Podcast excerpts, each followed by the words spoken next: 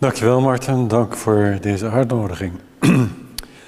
Ambrosius en Augustinus een verschillende kijk op de Triniteit. Ambrosius' invloed op de Triniteitstheologie van Augustinus, dat was de opdracht. En om dat onderwerp recht te doen, zou ik het willen onderverdelen in drie delen. Ten eerste een paar hoofdlijnen uit de Triniteitstheologie van Ambrosius. Ten tweede een schets van diezelfde hoofdlijnen uit de Triniteitstheologie van Augustinus. En ten derde natuurlijk de mogelijk krassende lijnen tussen die twee theologieën. Het moet natuurlijk ook een beetje boeiend blijven. Dus laat ik als mogelijke these hanteren dat Augustinus het anti-Arianisme van Ambrosius niet bijzonder heeft gewaardeerd. En heeft getracht in zijn eigen triniteitstheologie weg te komen uit de doodlopende steeg van het trinitarisch denken dat te zeer gebaseerd is op de ontkenning van elk subordinationisme, dus de onderschikking van de zoon aan de vader. Ten eerste, wat zijn de hoofdlijnen van Ambrosius Triniteitstheologie? Nou, dat woord Triniteitstheologie aan zich is al een vertekening. En tegelijkertijd ook wel weer een terechte kwalificatie. Want aan de ene kant draait de hele Triniteitstheologie van Ambrosius vrijwel geheel om de kwestie van het Arianisme en de eenheid van God in drie personen. En aan de andere kant, ja, daar wijdt hij over uit in die grote dogmatiek De Fide vijf boeken lang een uitwerking van deze themata.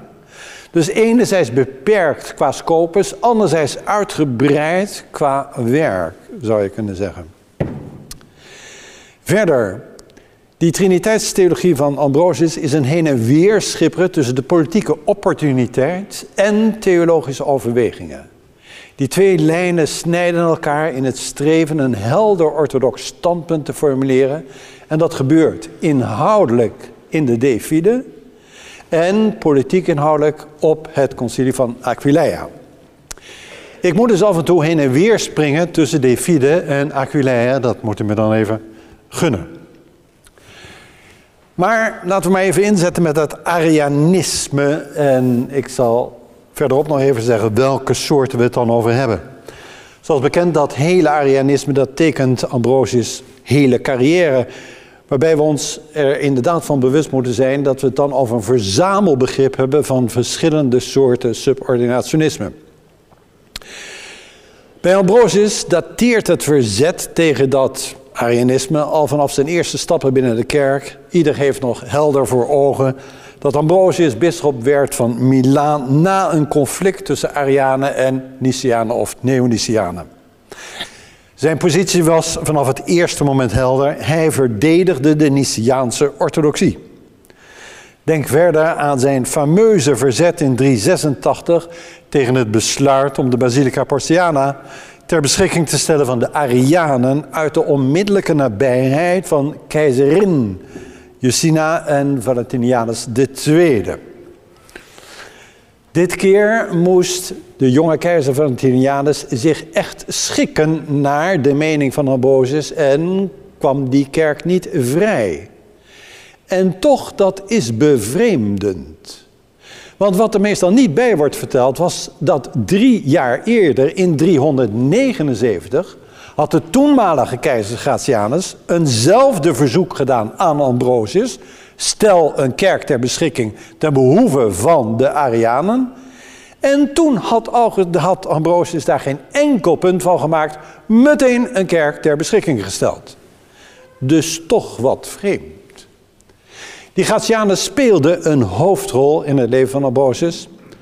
En hij is degene die dat beeld van Victoria uit de Senaat had laten verwijderen. Iets wat later zou leiden tot die andere fameuze kwestie in het leven van Ambrosius. Daar hebben we gisteren over geboord, de derde relatio.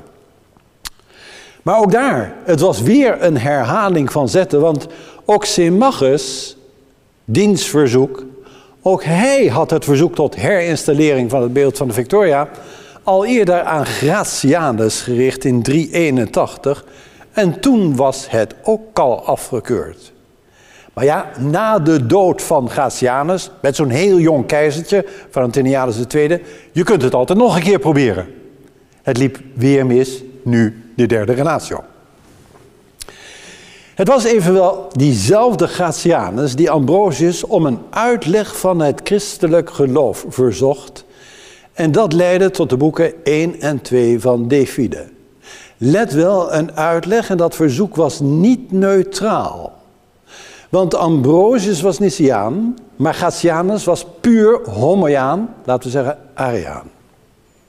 Dus het was niet een onschuldig verzoek dat Ambrosius kreeg. De uiteenzetting van de boek 1 en 2 van Fide droeg dus een sterk Niciaans karakter. En daar werd ook meteen na publicatie op gereageerd door met name Palladius van Ratiari, die een argumentatie volgde die we later hebben teruggevonden, namelijk toen we de acta lazen van het concilie van Aquileia. En in die acta stonden weer scholia van een Ariaan, geheten Maximinus, die daar weer commentaar op gaf van wat is er nu allemaal gebeurd. Dus we konden dat heel erg goed volgen. De literatuur houdt het erop dat deze Maximinus dezelfde is als degene tegen wie Augustinus zijn Contra Maximum Hereticum Episcopum Arianorum Libri Duo schreef. Die weerlegging van zijn eerste twee boeken van De Fide nam Augustinus Palladius niet, of nam Ambrosius, pardon, Palladius niet in dankbaarheid af. En het leidde tot een harde opstelling van Ambrosius op het concilie van Aquileia 381. En dat wordt dus nog begrijpelijker als je bedenkt dat inderdaad het verzoek van Gratianus om die Defide te schrijven, dus niet zomaar een verzoek was, maar bijna een theologisch conflict. Leg jij maar eens uit waarom je Niciaan bent. Want ik persoonlijk, ik ben eerder homoiaan. Kortom, politiek en religieus is er bepaald geen sprake van een gewonnen race ten gunste van de Nicianen. Het ligt nogal gecompliceerd. Aldus Matthij en Chen. Later, iets later maar, verbetert de verhouding tussen de bisschop en de keizer wel. Dat is tussen Defide 1 en 2, als eerst gepubliceerd. En daarna Defide 3 en 4, daarna gepubliceerd rond 380. En die twee boeken zijn gebaseerd op een hernieuwd verzoek van Gratianus in zijn bekende brief Cupio Valde. Ik zou zo graag willen dat je nog een keer uitlegt, et. Waarom vroeg de keizer het nog een keer? Hij had toch al een antwoord gekregen? Omdat hij zelf wat veranderd was. Wat was er gebeurd? In het oosten waren ontwikkelingen die Gratianus met zorg bezag. In 380 had Theodosius zijn beroemde decreet Cunctos Populos afgekondigd, dus waarbij het christendom gefavoriseerd werd. En het concilie bovendien van Constantinopel belegd in 381. Dat was een streep door de rekening van Ambrosius, van uh, Gratianus, want die wilde nu juist zo graag zo'n algemeen concilie beleggen. Die kans was dus helaas verkeken, dan maar een iets kleiner concilie in hetzelfde jaar 381, Aquileia. Vanzelfsprekend, de bisschop uit het oosten zouden dat keer dan geen acte présence geven. Maar eigenlijk kwam dat Ambrosius wel goed uit, want hij beschouwde ze als onberekenbaar en niet betrouwbaar. Dus wie waren er in Aquileia 381 aanwezig? 31 bisschoppen uit Italië, Afrika en Gallië. Dus omwille van de politieke verhoudingen neigt Gratianus veel meer naar Nicea dan hij drie jaar eerder had gedaan. Tussen 378 of iets daarvoor en 381 verandert de keizer vanwege de politieke constellatie van mening van puur Ariaan naar wellicht licht Nicéaan. Want, nu ja, l'empire vaut bien une messe.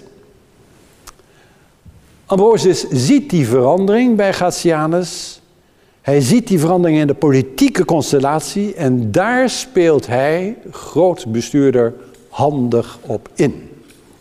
Hoe doet hij dat? Wel, het concilie vond plaats van Aquileia dus in september 381. Dat is ruim een maand na afloop van het concilie van Constantinopel, dat gesloten werd in juli 381. En inderdaad, Aquileia was samengeroepen door Gratianus, voorgezeten door bisschop Aquileia Valerianus, ja, zelfde naam. Met als belangrijkste deelnemers natuurlijk Ambrosius en die Palladius die al tegen De Fide had geschreven, Palladius van Ratiari. En een jongere, anderzijds ook Ariaanse bisschop Secundianus van Sigindunum. Het concilie bleek een opzet te hebben van een vooropgezette val, en wij begrijpen nu de opportuniteit ervan, waar de Arianen Palladius en Secundianus, om zo te zeggen, de gedaagden waren en zij ondanks de garanties van Gratianus toch die val inliepen. Het concilie had helemaal niet het karakter van een gedachtenwisseling, van een debat, van een discussie. Het was een pure ondervraging, een verhoor, waarbij Ambrosius de rol van de aanklager speelde. Dat was wel hoog spel van Ambrosius om het op die manier te framen, dit hele concilie. Maar het was ook nodig, zijn inziens, om met name die homoiaanse stroming, dus de Ariaanse stroming, definitief de nederlaag te bezorgen. Het zal een tactiek zijn die later weer wordt toegepast. Want zo beklaagt Nestorius vlak voor 431, zie het boek van Kalman daarover, over het feit dat het concilie van Efeze ook niet veel meer is dan een verhoor. Met aan de ene kant een aanklager en beklaagden. En de aanklager in dit geval dan Cyrillus. Het eenzijdige karakter van Aquileia wordt met name onderstreept door Robert McHugh, die uitgebreid in zijn boek over Chromatius, daar kom ik niet op terug, schetst hoe Ambrosius dat retorisch gesproken handig aanpakt. Hij karakteriseert zijn tegenstanders van meet af aan als heretici. En als je dat doet, dan suggereer je dus automatisch dat er een orthodoxie is die er nog niet was, omdat nog niet alle veldslagen gestreden waren. Aquileia zet dus een bepaalde toon die politiek is gemotiveerd. En om de sfeer te schetsen, wie de acta van het concilie doorleest, die wordt getroffen door de hardvochtige toon van Ambrosius, maar ook de kleinigheden die aangeeft hoe je een tegenstander moet vernederen. Palladius bijvoorbeeld, die was intussen ruim boven de 80, die mocht nog zitten tijdens het concilie. Maar Secundianus, enige decennia jonger, ja, die moest gewoon staan terwijl zijn ondervragers zaten. Dat geeft eventjes aan hoe het staat. Je bent gewoon een beklaagde in de beklaagde bank. En Ambrosius nam ook geen enkel risico. Bijvoorbeeld, Bisschop Leontinus van Salona, die eerst verdacht werd van Arianisme, maar door de bisschop van Rome, Damasus, in ere was hersteld en zich dus in Aquileia wilde vervoegen, die werd ronduit door Ambrosius de toegang geweigerd. Want stel je toch voor dat er toch nog iets van Arianisme aanwezig zou zijn. Dat geeft overigens aan in welke mate Ambrosius zich een bepaalde vrijheid ten opzichte van de bisschop van Rome kon permitteren. Afloop van dit concilie van Aquileia was natuurlijk voorspelbaar een veroordeling en ontzetting uit het ambt voor de beide bisschoppen. Samenvattend. Ten eerste, politiek gesproken maakt Gratianus een wending van het homoianisme naar Nicianen, terwijl hij eerst nog een grote afstand had ten opzichte van Ambrosius, toen hij die voor 378 de eerste twee boeken van De Fide vroeg. Ten tweede, Ambrosius voelt en ziet het draaien van de politieke wind, speelt er handig op in. En ten derde, dat is ook hard nodig en begrijpelijk, opportun. Want de strijd over wat orthodoxie is, is bepaald nog niet gestreden. Dat was sowieso al duidelijk. Maar denkt u even aan het feit dat het hele hof in die tijd nog sterk homoiaans is. En sowieso was al duidelijk sinds de publicaties van Williams en MacLean dat de grens tussen orthodoxie en heresie veel vager was dan we lange tijd voor waar wilden houden. Past ook overigens in het kader van andere variëteiten, zoals tussen de Romeinse en de Milanese liturgie. Past in het kader van het recente onderzoek van Judith Liu, van Marxis, van. Nou. Waar ging het hele conflict eigenlijk over? Nou, eventjes dan toch maar die Arianen. Wie zijn zij? Steinhauser gebruikt een typologie van vier typen. Ten eerste Arius en zijn klassieke volgelingen. Ten tweede de Homoiousianen. Die gebruikten het begrip gelijkend in de zin van verschillend. De zoon is gelijkend op de vader, maar dus verschillend. Dat is overigens geen noodzakelijke interpretatie van dat homoiousios, want Hilarius, bene, toch geen kleine man, zag in dat homoiousios zelf een synoniem van het homoousios. Dus die verkeert nog in de mening van, ja weet je, we hebben het over termen, maar eigenlijk zijn ze bijna hetzelfde. Derde categorie, de anomoianen. Die stelden dat vader en zoon en geest niet gelijkend zijn. En tenslotte de homoianen, die nadruk leggen op de gelijkenis tussen vader en zoon, maar daar de oezia niet bij willen betrekken, zoals de homoiousianen dat deden. Ik hoop dat u het nog kunt volgen, die vier categorieën. Palladius hoorde bij deze laatste categorie, de homoianen. Het concilie is genotuleerd. Er zijn maar twee echt mooie manuscripten van de Parisines. De acta zijn uitgegeven. En zelfs die notulering leidde al tot een conflict. Zo lezen we uit de notulen van dit concilie. Ambrosius was degene die besloot het geheel te laten notuleren, stelde notarie aan. Palladius protesteert daartegen en zegt dat het gebruikelijk is dat beide partijen hun eigen notarii aanstellen, zoals dat bijvoorbeeld het geval zal zijn in Carthago in 411. Wat leveren die acta, als je ze doorneemt, nou eigenlijk op? Nou, helder beeld natuurlijk van Ambrosius, van de ondervraging. Maar nog veel interessanter inderdaad die scholia van die Ariaan die in die kantlijn heeft zitten schrijven, die Maximinus. Want dat is interessant om te zien, wat was het commentaar op dit concilie van Aquileia? Een paar details even van die ondervraging. Hoe ging het? Ambrosius neemt het woord en zegt tegen Palladius dan: Jij hebt gezegd dat je als christen tot christenen komt. Dus je erkent ons als christenen. Christianos nos probasti. En jij stelt dat je Arius niet volgt.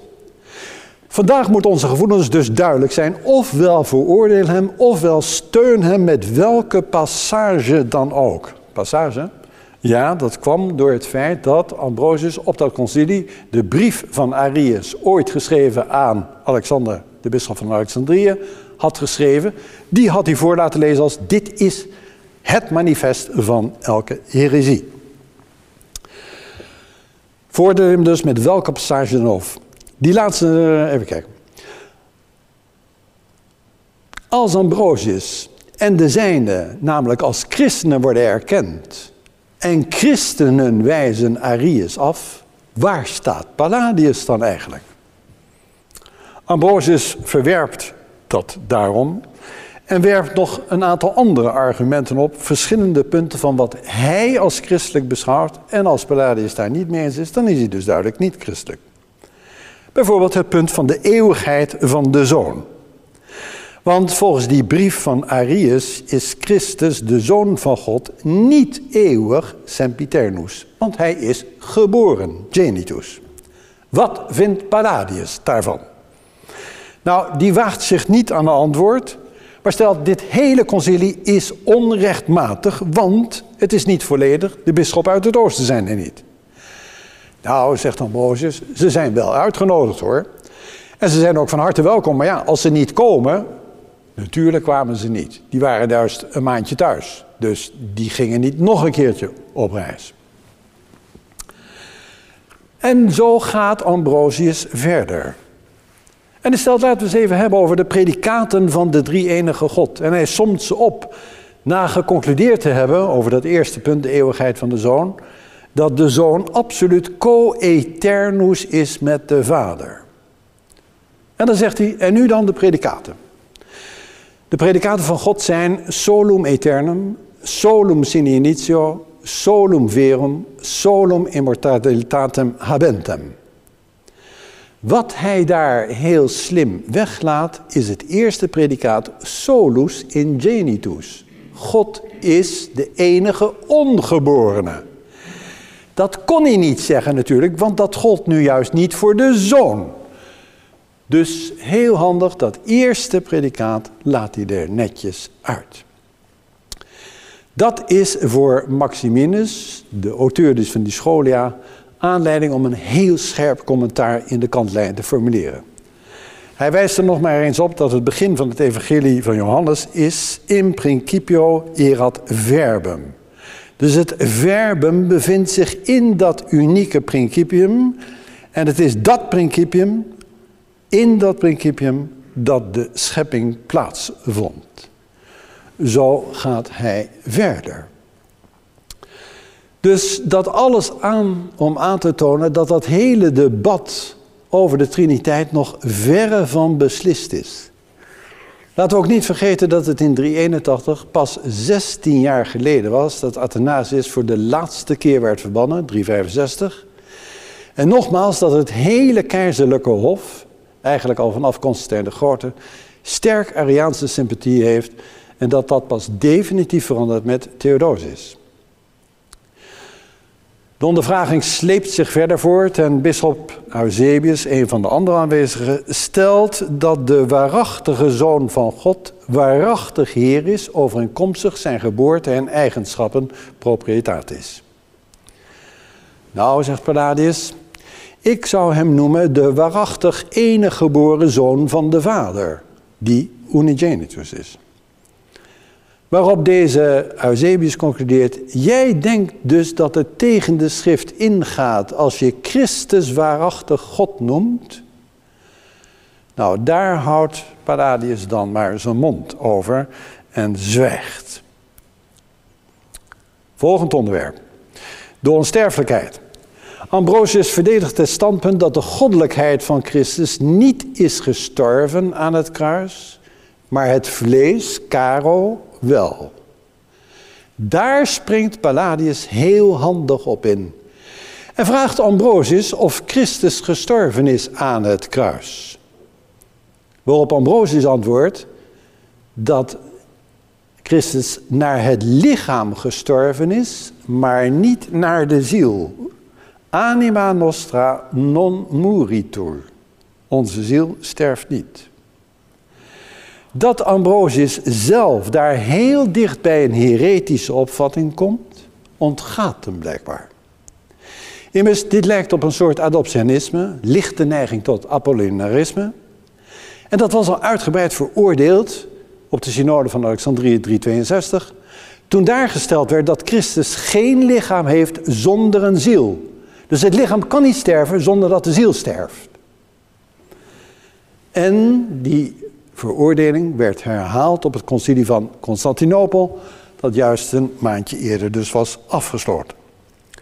Kortom, duidelijk is aan de hand van dit concilie dat vele aspecten van de latere orthodoxe opvattingen nog volstrekt niet uitgekristalliseerd waren en dat de strijd om de overhand te krijgen nog niet was beslecht en dat ook Ambrosius niet eens doorheeft wanneer hij zich afbeweegt van wat de latere orthodoxie zal zeggen.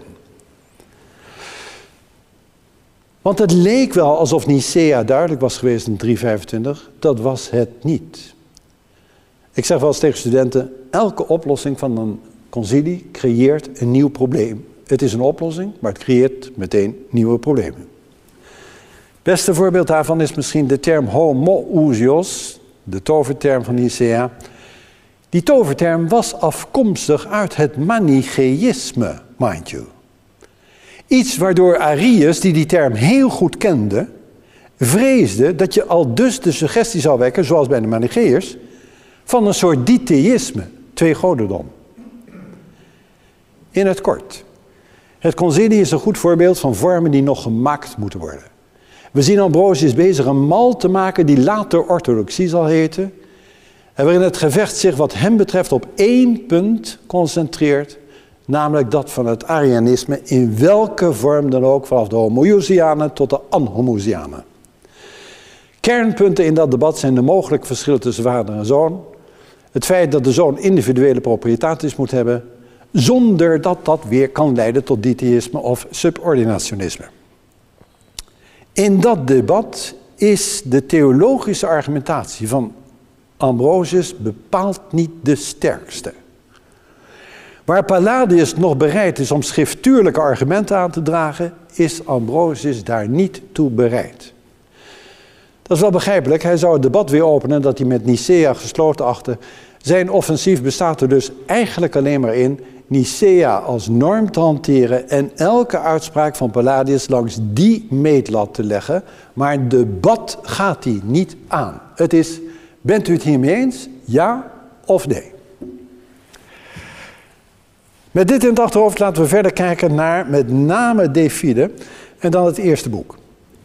Ambrosius opent dat boek met een forse polemiek, wederom tegen de Arianen, maar nog steeds is zijn argumentatie, theologisch gesproken, niet ontzettend solide. Zo hamert hij ontzettend op de unitas dei, de eenheid gods. En hij zegt dat er daarom geen divisio, geen deling in God kan zijn. Nou, op het eerste gezicht correct. Maar unitas, unitas, de eenheid gods. Kijk, daar is Augustinus dus een stuk scherper in, want die weet dat het hele begrip eenheid en de eenheid Gods volstrekt, wijsgerig gesproken, onmogelijk is. Wie herinnert zich niet Augustinus' uitspraak, ab uno incipit numerus, in de Enerationis, bij één begint het nummer, dat wil zeggen, als je één hebt gezegd, zeg je ook twee en drie. Augustinus volgt daar het spoor van de Parmenides van Plato, waar Plato al stelde dat het hele begrip één niet gedacht kan worden, want elk denken bestaat uit subject en predicaat, ergo uit twee. Als je zegt één, heb je geen zinvolle zin. Je moet zeggen unus est. Maar dan is het niet meer unus, want je hebt er s aan toegevoegd. Dus het zijn er twee. Nou, daar is met name Augustinus zich van bewust. Maar Ambrosius, alsof hij het hele Neoplatonisme niet kent, heeft het rustig over unitas dei, alsof het een begrip is dat je zomaar kunt hanteren zonder de complicaties daarvan te onderkennen. Plotinus gaat daarop verder, maar nergens lijkt Ambrosius, ondanks zijn fameuze Neoplatonische insteek, zich dit denken eigen te maken. Wat wel een van zijn argumenten is, en dat is een argument dat bij Augustinus ook veel voorkomt, is het argument van gelijkend en ongelijkend, similis en dissimilis. Ambrosius stelt dat Arianen volhouden dat de zoon dissimilis is aan de vader, dus ongelijk aan de vader. Dat ze daarmee bedoelen dat hij niet hetzelfde is als de vader. Maar, zegt Ambrosius, dat is onjuist. Een portret lijkt immers wel degelijk op degene die geportretteerd is. Dus, ja, weet je, gelijkend, eigenlijk zou je moeten zeggen dat het toch bijna hetzelfde is. Dus dan doet hij alsof similis hetzelfde is als idem. Nou, Augustinus heeft over dat begrip similis heel lang geschreven, zowel in de Zoologia als in De Trinitate. En die stelt heel helder, elke gelijkenis houdt ook ongelijkenis in. Maar daar hoor je verder Ambrosius niet over. Volgend stukje, ook Defide 1. Ambrosius vervolgt dan met het schriftwoord uit Genesis: Laat ons mensen naar, maken naar ons beeld en gelijkenis. En zijn conclusie is dan: hier spreekt een ene God en geen tweeledigheid van vader en zoon. Tegelijkertijd, het is wel een ene God die wel degelijk vader en zoon is, want er staat niet voor niets: laat ons naar ons beeld en gelijkenis. En dus besluit hij met de mooie zin similitudo haec non diversitatis sed unitatis est. Devide 1:7. Vertaald, deze gelijkenis betreft geen verscheidenheid, maar eenheid. Ja, zo lijkt het inderdaad, de mens als gelijkenis van de ene God. Maar similitudo aan zich draagt al een meervoud in zich. De mens als gelijkenis van God is de creatie van een relatie, dus van meervoudigheid. Datzelfde geldt voor de economische triniteit. Vader en zoon hebben een relatie en dus meervoudigheid. En de mens is dus blijkbaar meervoudigheid die de meervoudigheid van God weerspiegelt. Nou, nu kan het zo zijn, zoals Nicea stelt, dat die meervoudigheid, eenheid en gelijkheid van God niet in de weg staan, maar eenvoudig zal die redenering niet zijn en heel moeilijk te bereiken langs de weg van similitudo. En zelfs die hele uitspraak aan zich, similitudo non diversitatis et unitatis, is al een niet-logische. En zo gaat het verder. Steeds weer gaat Ambrosius de grens van de logica over. En houdt er geen rekening mee dat similitudo altijd ook dissimilitudo inhoudt. Hij doet daarentegen alsof similitudo inhoudt dat het toch hetzelfde is. Concluderend zou ik willen zeggen dat Ambrosius zich ongelukkigerwijs heeft moeten beperken tot een anti-Ariaans discours, zowel in Aquileia als in De Fide. Hij blijft in het spoor wanneer hij was begonnen als bisschop. De politieke ontwikkelingen dwingen hem er ook toe daarin te blijven. De kern van zijn betoog is dat de eenheid van God uitgangspunt is en dat de namen van God in diens trinitaire economie, dus Vader, Zoon en Geest, die eenheid niet schaden. We zijn daarmee wel heel dicht het modalisme genaderd. Een indruk die nog wordt versterkt omdat Ambrosius, wijsgerig gesproken, niet bereid is de verhouding taal en werkelijkheid nader te onderzoeken. Dus die veel besproken neoplatoonse invloed, er is binnen de Triniteitstheologie niet zoveel van te merken. Alles concentreert zich op dat anti-Arianisme.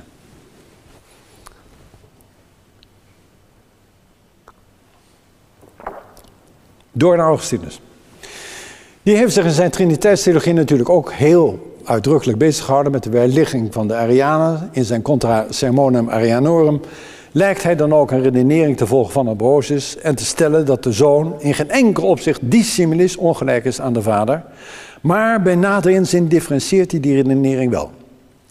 Waar het op neerkomt, zijn zins is, is dat bij een gewone gelijkenis er gesteld kan worden dat het gelijkende participeert aan het origineel. Daar kan, zegt hij tegelijkertijd, bij de zoon geen sprake van zijn, van participatie aan de vader. Hij zegt dat in Contrarium 1723. Nee, er is daar sprake van plenitudo. Dat is een andere redenering. En wederom, Augustinus is hier de sterkere filosoof. Want hij refereert hier aan de Platoonse participatieleer en wijst die af als model om het begrip similitudo nader te kunnen invullen. Dat zal elders bij Augustinus ook het geval zijn. Wat hij doet in zijn rijpe triniteitstheologie, met name in De Trinitate, is scherp aan de wind zeilen met de begrippen similitudo en dissimilitudo. En daarbij gebruikt hij bij tijd en wijle het begrip participatio, maar is heel voorzichtig, want als je zegt dat de zoon lijkt op de vader, moet je niet gaan suggereren dat de zoon participeert aan de vader. Nee, de zoon is het beeld. Dus hij introduceert een nieuw begrip en zegt: de zoon is het beeld, het imago van de vader.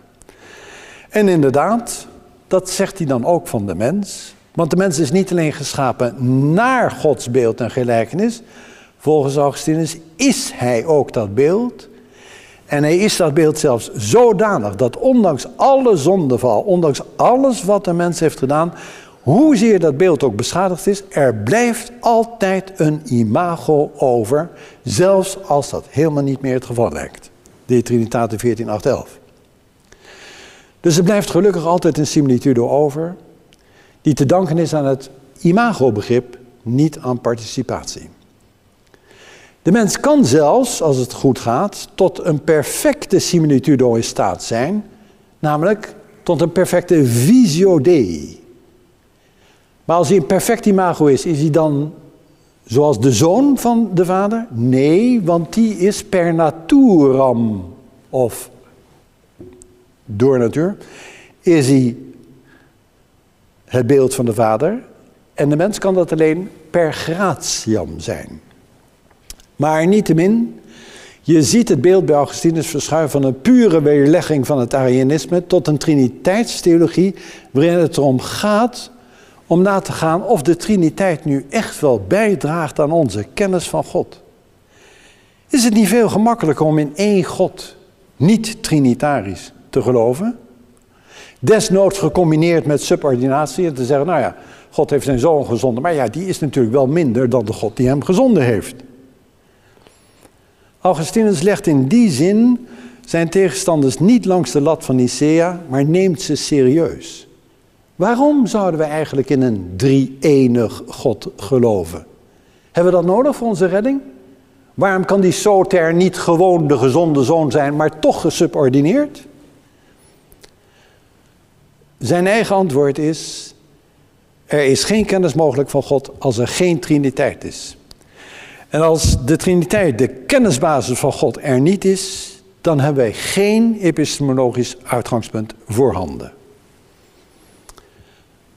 Wat is dan die hele Triniteit voor hem? Het antwoord is bekend, er staat alle detail beschreven in de Trinitate 10. Waar het om gaat is de kennis Gods. Maar helaas, zoals al gezegd, elke kennis werkt met het duale schema van subject en object. Als jij iets kent, dan ben jij het kennende subject en je hebt iets, een gekend object dat je kent. Die dualiteit doet natuurlijk, als je het hebt over God, afbreuk aan de eenheid Gods. Je kunt God niet kennen zonder te doen alsof je het over God als een object hebt. Klopt. Maar Augustinus zegt, bij God zelf ligt dat anders. Want denk aan de liefde. Dat is een unieke vorm. Ik heb lief, dat wil zeggen, ik ben het subject. Ik heb iets of iemand lief, dat is het object. En ik heb de liefde die die twee verbindt. Oké, maar dan blijf ik nog steeds binnen subject-object. Dat is binnen God niet zo. Want God kan zichzelf lief hebben zonder dat we het over narcisme hebben of zonder dat we het hebben over iets anders. Het is het idee, er is een imago dat gelijk is aan de Vader en de Vader heeft dat lief en het is toch geen narcisme en het is wel helemaal gelijk. Dat is een briljante vondst gebaseerd op het Neoplatonische hypostasemodel die het mogelijk maakte om Augustinus latere relatieleer uit te bouwen binnen de Triniteit. Want dan zijn in genitus en genitus geen tegenstellingen meer, maar geven zij een specifieke relatie aan die één van de drie personen onderhoudt met de ander. En ook die relatieleer verschaft Augustinus dus de mogelijkheid om het Ariaans dilemma te ontsnappen, waarbij in genitus niet op de zoon van toepassing kan zijn, en die dus subordinatus zou moeten zijn aan de Vader. Heel in het kort gezegd, de Triniteitsleer van Augustinus lijkt nogal te verschillen van die van Ambrosius. Natuurlijk, Augustinus deelt het hele anti-Arianisme van Ambrosius, maar zijn insteek is heel anders. Zelfs in zijn weerlegging van de Arianen. In de Trinitate 534 stelt hij dat de Arianen een calidissimum machinamentum hebben weten naar voren te brengen. Een zeer ingenieuze valstrik. Dus hij neemt zo serieus. Calidissimum machinentum. Wat zeggen zij namelijk? Dat alles wat je over God zegt, dat moet je secundum substantiam zeggen. Dat moet je naar het wezen van God zeggen. Want God heeft geen accidenten. Klopt. Heel erg sterk argument van de Arianen. Maar als je een relatieleer hebt, dan kan het dus wel dan kan het zowel genitus als ingenitus zijn. Dus als je met die relatie neerwerkt, dan kun je zowel het ditheïsme vermijden als het subordinationisme. Laatste vraag, waarom wilde Augustinus dit zo graag analyseren en er intensief mee bezig zijn? En waarom wilde Ambrosius dat? Wat betreft Ambrosius, daar is de reden waarschijnlijk gelegen in de noodzaak om in zijn ogen orthodoxe opvattingen tot de norm te kunnen maken en al dus het kerkpolitiek en theologisch discours parallel te laten lopen en er één eenheid van te maken. Bij Augustinus ligt dat volstrekt anders. De kerkpolitiek speelt binnen zijn triniteitstheologie geen rol. Die speelt een rol bijvoorbeeld binnen het donatisme of in zijn strijd tegen donatisme. Bij de triniteit niet. Theologische invalshoeken als de soteriologie zijn evenmin heel erg relevant. Die liggen weer veel meer op het vlak van de genadeleer en dus in de strijd tegen het Pelagianisme. Wat dan wel?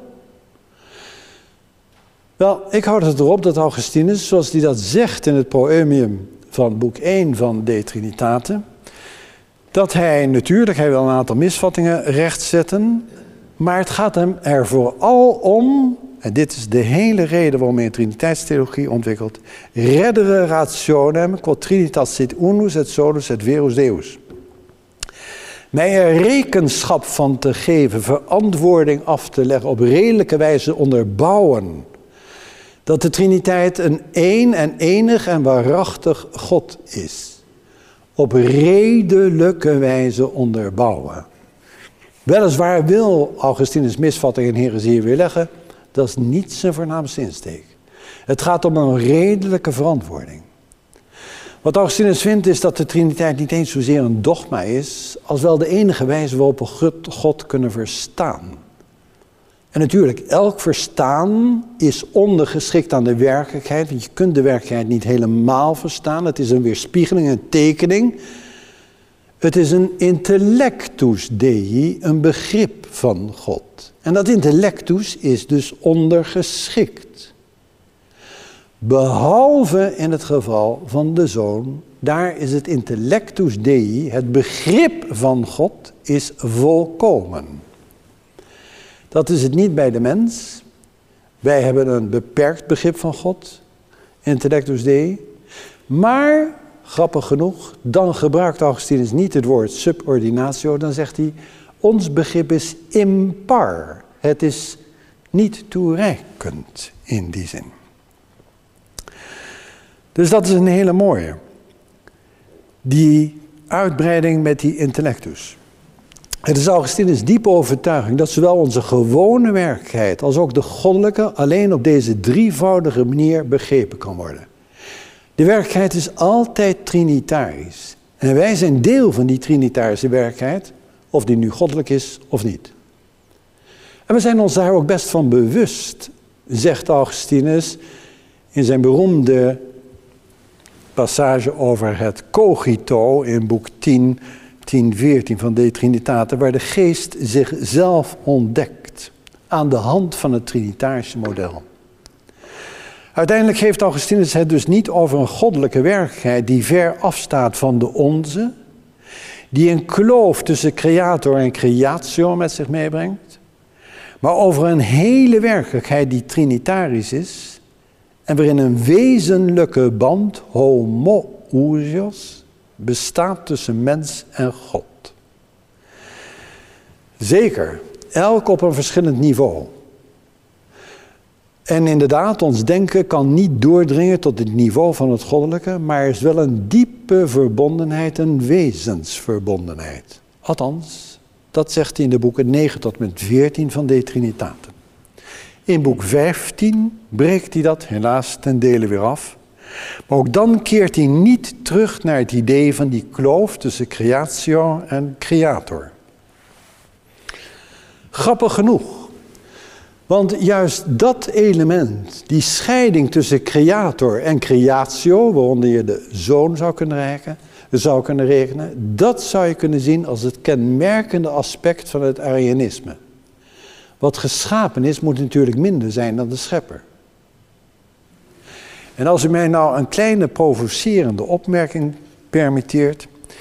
In die zin zou je kunnen zeggen dat elke reformatorische theologie zich baserend op het onderscheid tussen creator en creatio toch een vorm van Arianisme is.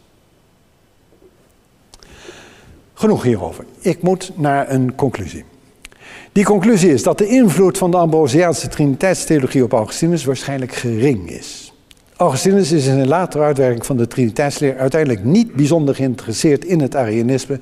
Sterker, het brengt hem verder weg van opvatting over de Triniteit die een sterk neoplatonisch karakter heeft, in tegenstelling tot Ambrosius. En die haak staat op de kloof die Arianen aanhouden tussen het geschapene en het ongeschapene. En het zou voor onze reformatorische traditie goed zijn als we over dat verschil nog eens zouden nadenken. Om te kijken of we nou uiteindelijk Ariaans zijn of Niciaans. Dank u wel.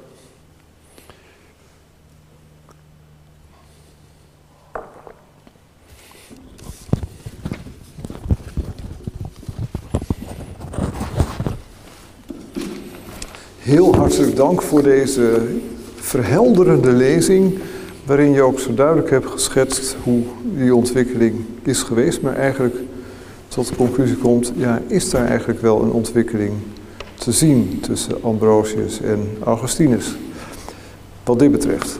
Ik wil graag ook uh, iedereen de gelegenheid geven om daarop te reageren. Wie zou hier misschien zijn reactie op willen geven? Ja, ik zie al een vraag.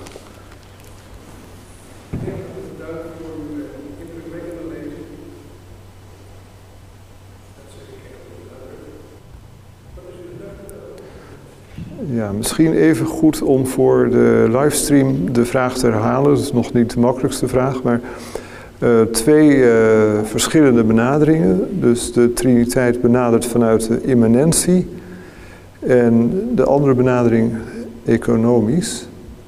En uh, ja, dat heeft grote gevolgen ook voor, de, voor het godsbeeld en ook de manier waarop wij naar God kijken, die verschillende benaderingen.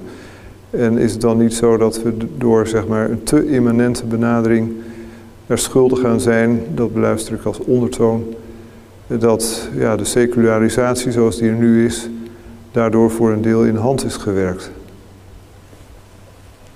Ja, dank u wel collega voor die vraag. Ik probeer hem tastenderwijs te beantwoorden, want ik weet niet of ik het antwoord heb. Grote vraag. Louis in zijn uh, mooie boek over de Triniteitstheologie van Augustinus uit 2014 of 2015, die benadert sterk de economische triniteit en zegt dat is wat we moeten hebben. Je hebt aan de andere kant een uh, scholar als John Turner, die heel erg onderzoek heeft gedaan naar de Neoplatoonse patronen uit die tijd en zegt ja maar je moet het daarop houden. Ik zou dankbaar zijn als we uit die tweedeling wegkwamen tussen immanent en economie. En zouden kunnen zien dat ook juist het Neoplatoonse model een economisch model au fond is. En dat Christus binnen dat model nog steeds heel goed mogelijk is. Zoals zelfs de gnostici het woord soter duidelijk gebruiken, eveneens gebaseerd op dat Neoplatoonse model van hypostasen. Het enige verschil is, en daar hebt u gelijk in, binnen onze opvatting van de economie is het per gratiam dat wij worden gered. En dat is een, uh, een model dat zich enerzijds kan lenen tot een kloof tussen degene die de gratie verleent en de andere die de gratie ontvangt.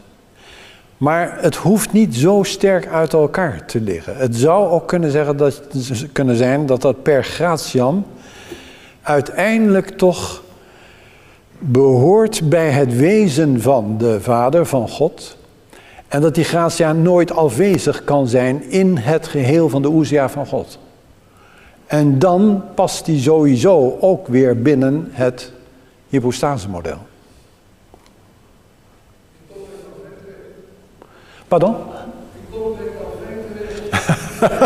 ja, ja. Dat is niet erg voor een reformatorisch... Uh... Nee, nee. Maar toch is dit een heel mooi antwoord, lijkt me. Dat je dus dat niet tegen elkaar stelt, maar ook ziet dat er ruimte is in de filosofie om dus inderdaad dat ook economische uh, plaats te geven. Dat proef ik uit het antwoord. Ja. En dat zou ik dus eigenlijk ook willen onderstrepen vanuit heel veel andere zaken. Want in de patristiek blijkt toch heel vaak dat de klassieke uh, filosofie wordt benut en wordt aangeraakt en wordt geïntegreerd in het christelijke denken zonder dat dat een conflict oproept. Wie mag ik verder uitnodigen? Ik zie nog een vraag. Ja.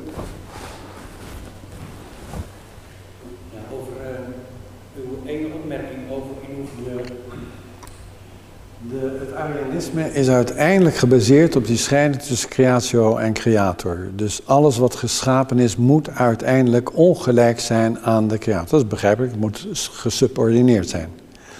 Dan kom je dus uiteindelijk knel te lopen bij de twee naturenleer. Want weliswaar is Christus waarachtig God en waarachtig mens, maar ergens moet je dan die onderschikking plaatsen. Dat lukt niet en dus moet je ergens afbreuk doen dan aan de incarnatie. Het grappige is, je ziet dat in het besluit ook over de twee naturenleer. Dat zijn tegensprekende predicaten. Dus het gaat dan over ongemengd en ongescheiden. Maar iets dat ongemengd is, is gescheiden. En iets dat ongescheiden is, is gemengd.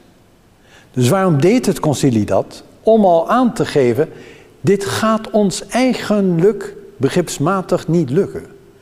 Dus zolang je die scheppingsaard uh, van Christus, dat geschapene, dat lichaam, dat karo, ofwel je honoreert het volkomen, maar dan zit je snel in het Ariaanse vaarwater, als je de incarnatie heel erg hard neemt. Of je doet het niet, maar ja, wat doe je dan met twee natuurleer? Wat doet de Reformatie? Die zegt, nou dan gaan we de nadruk leggen op de pneumatologie. Dan omzeilen we het vraagstuk van de incarnatie. Dat is handig, maar het is geen antwoord. Ik heb het ook niet hoor, maar... Ja, ik uh, was net nog even inderdaad ook bezig met Chrysostomus, even een moment. En daar zegt Chrysostomus, ja eigenlijk zijn er soms geen woorden voor om die zaken te beschrijven. En diezelfde uh, verlegenheid, die ja, voel ik hier eigenlijk ook. Hè? Want eigenlijk blijft het een mysterie met een grote hoofdletter. Hè? non caput infiniti. Ja, ja, ik denk dat dat een goed uh, standpunt is, om dat ook als mysterie te laten staan. Waarbij je dan de geschiedenis en ook de concilies uh, die zich erover hebben gebogen ook ziet als een nobele poging om inderdaad het ja, toch onder woorden te brengen, maar daarin toch ook te zien dat het inderdaad een pogen is gebleven, hè, ergens. Nou, ik wil jou heel erg bedanken, Matthias, voor de bijdrage, of bijdrage en de voordracht.